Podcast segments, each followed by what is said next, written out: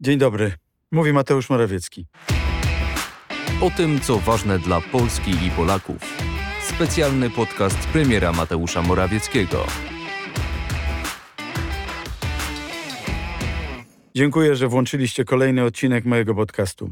Tym razem chciałbym, na ile to możliwe, w kilka minut zarysować, na czym polega dzisiejszy problem z inflacją. Bo choć wszyscy dziś o inflacji mówimy i wszystkich nas ona martwi, to łatwo tutaj o nieporozumienia, błędne interpretacje i zwykłe fake newsy. Po drugie zaś króciutko skomentuję przyjęcie przez Komisję w Parlamencie Europejskim zmiany dotyczącej systemu ETS. Bo kiedy wreszcie Parlament Europejski pochyla się nad tym, o czym rząd Prawa i Sprawiedliwości mówi od przeszło dwóch lat, to rzeczywiście warto o tym powiedzieć słowo. Ale najpierw o inflacji.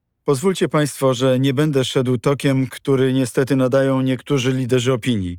Nie będę robił z inflacji politycznej pałki do okładania innych. Jeśli tak chce postępować nasza neoliberalna opozycja, w porządku. Ale ja chciałbym porozmawiać na poważnie, bo uważam, że właśnie takiej poważnej, rzeczowej debaty bardzo nam brakuje. Zacznijmy więc od tego, że inflacja to nie jest problem czysto ekonomiczny. Inflacja to jest problem społeczny, bo dotyczy zwykłych ludzi. I prawda jest taka, że każdy z nas ponosi różny koszt tej inflacji. Najgorsze jest to, że największy koszt ponoszą ludzie najbiedniejsi. To dość logiczne. Tak zwany koszyk inflacyjny, czyli to, na co zazwyczaj wydajemy pieniądze w ciągu miesiąca, wygląda zupełnie inaczej w przypadku ludzi zarabiających kilkanaście tysięcy złotych lub więcej, a inaczej u rodziny 2 plus 2, w której rodzice zarabiają na poziomie średniej krajowej lub poniżej. W przypadku takiej zwykłej rodziny duża część koszyka przypada na uregulowanie rachunków i zakupy żywnościowe. Jeśli 20-30% pensji idzie na zakupy spożywcze, a kolejne kilkanaście procent na sprawy mieszkaniowe, to rosnące ceny podstawowych produktów przynoszą ryzyko. Ryzyko, że domowy budżet takiej rodziny po prostu się nie zepnie. Dlatego też zadaniem rządu w takich trudnych, kryzysowych chwilach jest przede wszystkim osłonięcie, asekuracja tych, którzy na inflację są najbardziej narażeni. I stąd, proszę Państwa, najpierw tarcza antyinflacyjna, a teraz tarcza antyputinowska.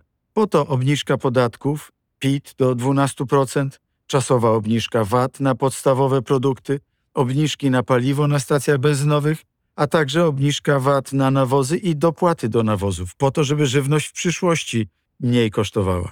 To wszystko działa, no właśnie, jak tarcza, jak osłona.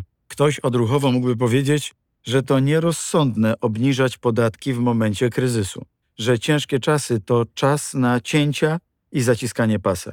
Tyle, że kryzys finansowy w 2008 roku pokazał nam, jak wielkie są koszty takiej neoliberalnej polityki. Ówczesny rząd ją właśnie stosował. Te koszty to koszty społeczne, to skokowe bezrobocie i pogrążenie mniej zamożnych rodzin. Możecie Państwo porównać to sobie do sztormu na morzu. Potężne fale dużymi statkami będą kołysać, a te mniejsze niestety znajdą się w poważnych tarapatach. Czy to jest sprawiedliwe rozwiązanie? Ale trzeba przypomnieć jeszcze jedną rzecz, o której wiele osób chyba zapomniało. Mianowicie, że myśmy w pandemię weszli z inflacją już na całkiem wysokim poziomie. Ale wtedy, na przełomie 2019 i 2020 roku, to była inflacja jak najbardziej akceptowalna, która po prostu towarzyszy szybkiemu wzrostowi gospodarczemu. Przecież dzięki uszczelnieniu systemu podatkowego, rozbudowanej polityce społecznej, udało nam się stworzyć zrównoważony system, dzięki któremu polskie rodziny się bogaciły, popyt wzrastał, a koło zamachowe polskiej gospodarki kręciło się coraz szybciej. I wtedy przyszedł rok 2020. Pandemia i lockdown. I to koło nagle przestało się kręcić. I wtedy przyszedł czas potężnych wydatków państwa. Nie tylko na całą wielomiesięczną walkę z COVID, ale też w ramach tarczy antykryzysowej na ochronę miejsc pracy. Przede wszystkim na ochronę miejsc pracy. Podjęliśmy decyzję, że przez kryzys pandemiczny chcemy przejść z jak najmniejszymi stratami społecznymi. I to się udało. Bezrobocie w Polsce przez cały czas trwania pandemii było jednym z najniższych w całej Europie. A pamiętamy tę zmorę III Rzeczypospolitej, czyli właśnie bezrobocie. To z kolei pozwoliło nam po tym nagłym zatrzymaniu bardzo szybko wejść na ścieżkę wzrostu.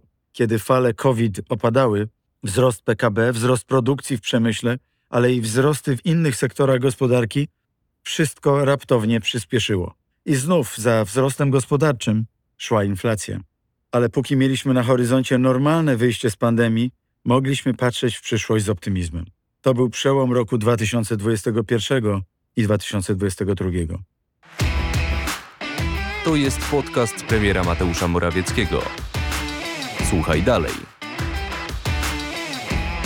Ale cały czas niepokoiło to, co od połowy roku działo się za naszą wschodnią granicą. Nie tylko ćwiczenia Zapad, nie tylko hybrydowe ataki Łukaszenki, ale też agresywna polityka gazowa Rosji. Zapytajmy, dlaczego Rosjanie w lipcu, w sierpniu, kiedy powinni pompować gaz, aby europejskie magazyny były przygotowane na jesień i zimę, w ogóle tego nie robili. Tłumaczyli się, że najpierw muszą uzupełniać własne rezerwy, ale mijały kolejne miesiące i niewiele się działo w tym obszarze. Szantaż gazowy Putina doprowadził wtedy do szalejących cen gazu na europejskim rynku. Już wtedy, proszę Państwa, zaczęliśmy bić na alarm w stolicach wielu europejskich państw. Już wtedy udałem się z wizytami do bardzo wielu stolic, aby wskazywać także na to ryzyko, na ryzyko inflacji. Właśnie wtedy rozpocząłem podróż dyplomatyczną po Europie, aby także uświadomić innym przywódcom, że działania Rosji prowadzą nas prosto nad przepaść. Apelowaliśmy, alarmowaliśmy, ale te czarne, złowieszcze chmury gęstniały coraz bardziej, aż nastał luty 2022 roku. I tu docieram do czynnika już dziś oczywistego. Do wojny, która wywróciła architekturę bezpieczeństwa i architekturę gospodarczą Europy. Wszystkim, którzy twierdzą, że wojna nie ma nic do inflacji, zwracam tutaj uwagę, że przygotowania do tej wojny rozpoczęły się dużo, dużo wcześniej i przygotowania te rozpoczęły się na Kremlu.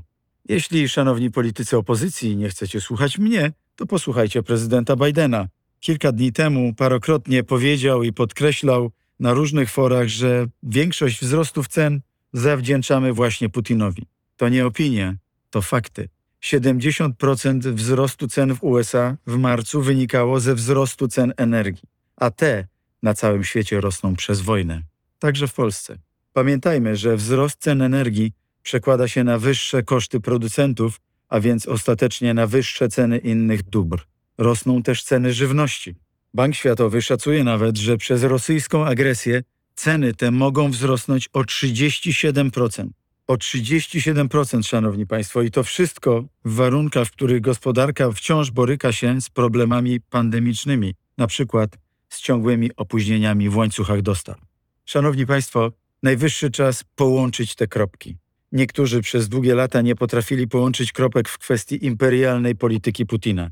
Tak się zdarza, że ludzie, którzy nie potrafią wziąć odpowiedzialności za swoje błędy, zazwyczaj próbują nimi obciążać innych. I tak dziś robią politycy, którzy kiedyś chcieli grać z Putinem w szachy, a dziś już dobrze wiedzą, że przez cały czas byli jego pionkami. I choćby opozycja krzyczała i tupała, to, szanowni państwo, inflacja nie jest i nie była wyłącznie polskim problemem. Z inflacją dziś walczy i Warszawa, i Berlin, i Paryż, i Waszyngton. Wszyscy poważni uczestnicy debaty wiedzą, że inflacja to nie jest maczuga na tych, kogo się nie lubi, ale realny problem i to w wymiarze globalnym. I z tym wyzwaniem trzeba się zmierzyć. My wiemy, że dbanie o interesy Polaków i dobro polskich rodzin to nasz obowiązek nie tylko wtedy, kiedy wszystko idzie gładko. Udowodniliśmy to już nie raz i na pewno przeprowadzimy Polskę i Polaków także przez ten trudny czas. Jako pierwsi w historii ostatnich 30 lat wprowadziliśmy tak znaczną kwotę wolną od podatku, czyli możliwość zarabiania w ogóle bez podatku do 30 tysięcy złotych. Jako pierwsi od lat podnieśliśmy tak znacznie drugi próg podatkowy. Jako pierwsi zdecydowaliśmy się na tak radykalne obniżenie podstawowej stawki podatkowej. I robimy to wszystko, bo na pierwszym miejscu stawiamy po prostu interes Polaków.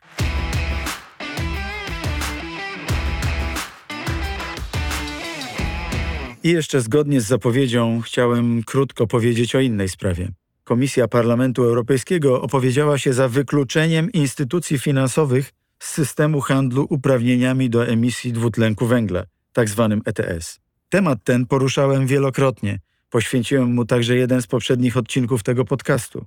Mówiłem o tym głośno na kilku radach europejskich i podkreślałem, że te spekulacje instytucji finansowych na rynku ETS muszą zostać zakończone. ETS miało być narzędziem redukcji emisji gazów cieplarnianych, a bardzo szybko stało się kolejnym instrumentem finansowym w rękach bogatych inwestorów, służącym także do spekulacji. Od lat apelowaliśmy do Komisji Europejskiej o gruntowne zmiany tego mechanizmu, które miałyby ukrócić spekulacje i zablokować sztuczne zawyżanie cen energii. W grudniu przedstawialiśmy te argumenty Komisji Europejskiej w obliczu trwającego już wówczas szantażu gazowego Putina. Wcześniej, w listopadzie 2021 roku, twardo stawialiśmy tę sprawę na szczycie klimatycznym w Glasgow. A przecież zastrzeżenia wobec handlu emisjami zgłaszaliśmy jeszcze podczas szczytu w Katowicach w grudniu 2018 roku. I dziś, kiedy ten temat trafia na agendę unijną, trzeba powiedzieć, to jest nasz ogromny sukces. Dopięliśmy swego. Wreszcie jest szansa, że instytucje finansowe zostaną odłączone od możliwości spekulowania uprawnieniami do emisji dwutlenku węgla. To pierwszy duży krok w stronę zmiany tego wadliwie działającego dotąd mechanizmu i unormowania cen energii w Europie. Nasze konsekwentne starania przynoszą wymierne efekty. To może drobiazg, ale przy tej okazji warto wspomnieć, że z niemałym zdziwieniem niektórzy przyjęli informację, że nawet tutaj nasza opozycja próbuje przypisywać sobie sukces. Ale czy przypadkiem nie było tak, że do mechanizmu ETS, czyli tego mechanizmu handlu dwutlenkiem węgla, wprowadzono na poziomie unijnym coraz więcej wadliwych mechanizmów dokładnie wtedy, gdy establishment Platformy Obywatelskiej miał najwięcej do powiedzenia? Niech każdy sam sobie odpowie na to pytanie. Ja tylko mogę powiedzieć, że cóż, wygląda na to, że po wielu miesiącach krytyki rządu Prawa i Sprawiedliwości liberalna opozycja przyznaje nam rację. Spodziewałem się, że prędzej czy później jej reprezentanci będą musieli ze swoich pozycji ustąpić. Ale nie podejrzewałem, że tak szybko będą mówić naszym głosem. Jeśli jednak to miałoby oznaczać koniec totalności w naszej opozycji, to byłoby naprawdę wspaniale. I tą optymistyczną refleksją dzielę się z Państwem na koniec. Dziękuję za wysłuchanie. Do usłyszenia za tydzień. Mówił Mateusz Morawiecki. Podcast jest dostępny w serwisach Spotify, Google Podcast oraz Apple Podcast.